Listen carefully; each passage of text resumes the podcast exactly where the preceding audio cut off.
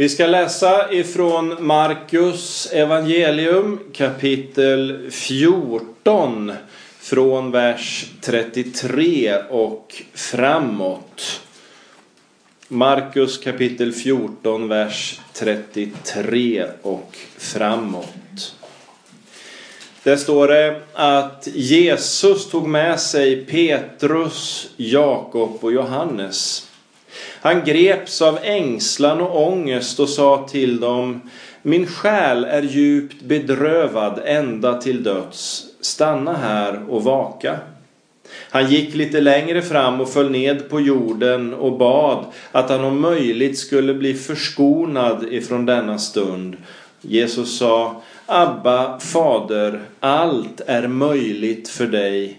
Ta denna kalk ifrån mig. Men inte som jag vill, utan som du vill.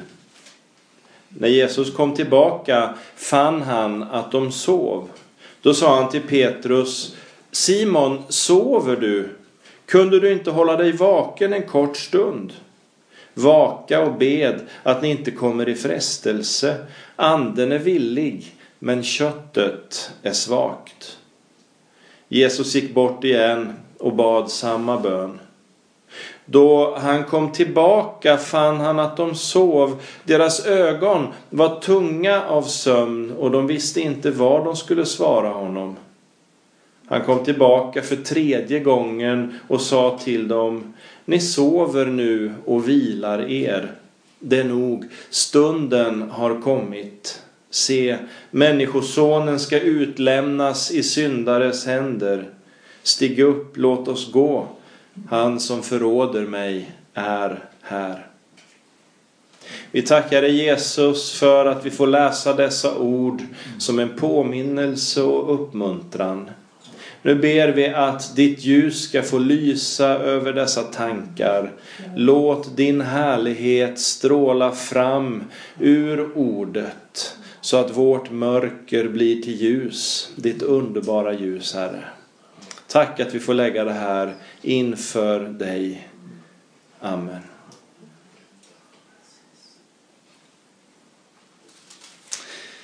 Visst kan det väl vara så att det många gånger kan vara lite inspirerande att skapa sig bilder i sitt inre över de bibliska situationerna.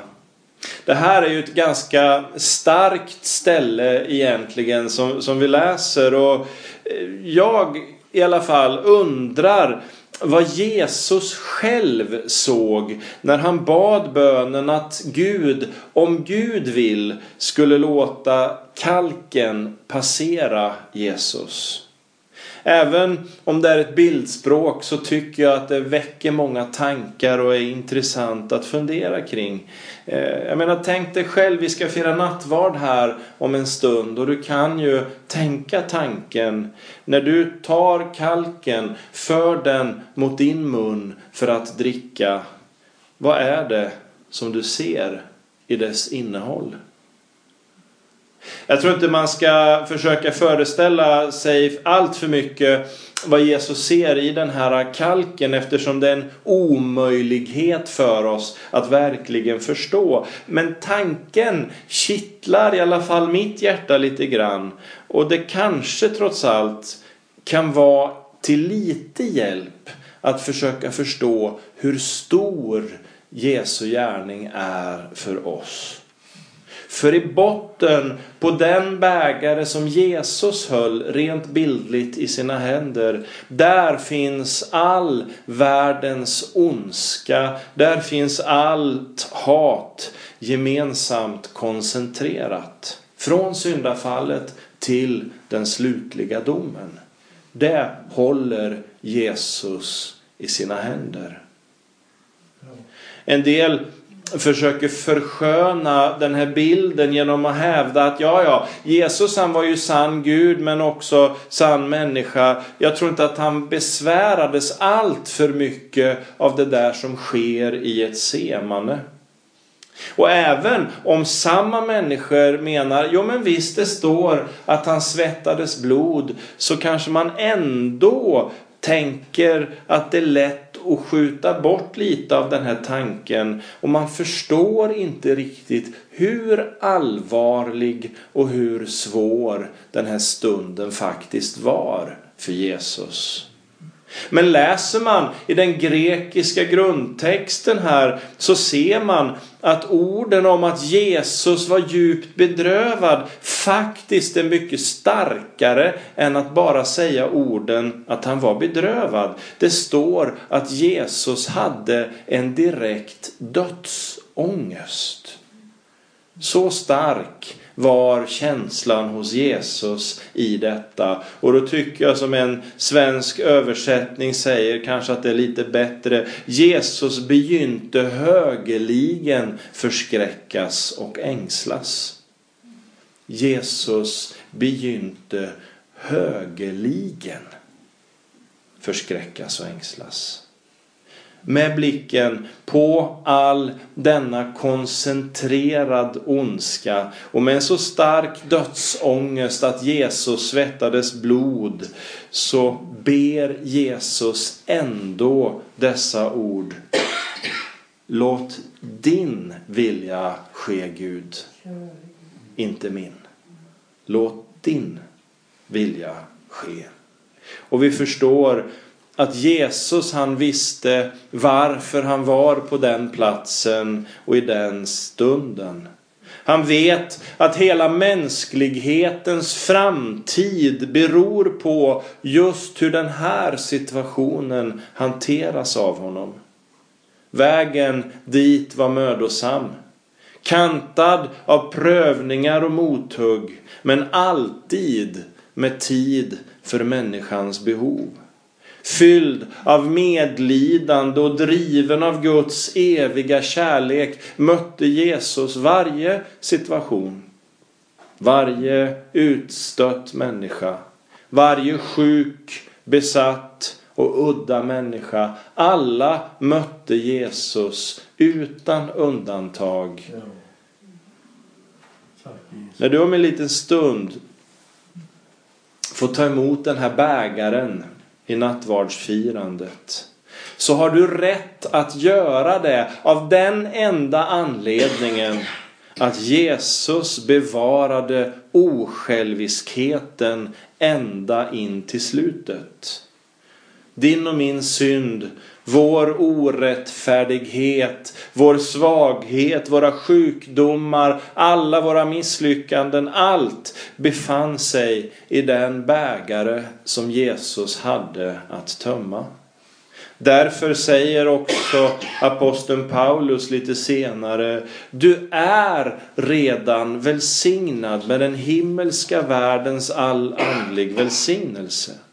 Det skedde en gång för alla när Jesus lät sig avrättas på Golgata kors. Ty så älskade Gud världen att han utgav sin enda son för att den som tror på honom inte ska gå förlorad utan ha evigt liv.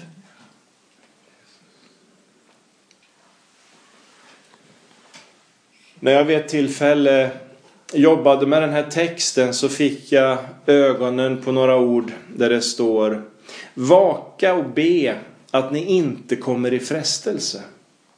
Och jag började fundera över vad betyder egentligen de orden? Inte bara i största allmänhet. Vad betyder dessa ord för mig personligen?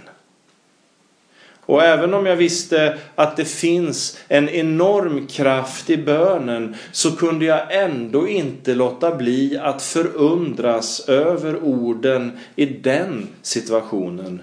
Vaka och be så att ni inte kommer i frestelse.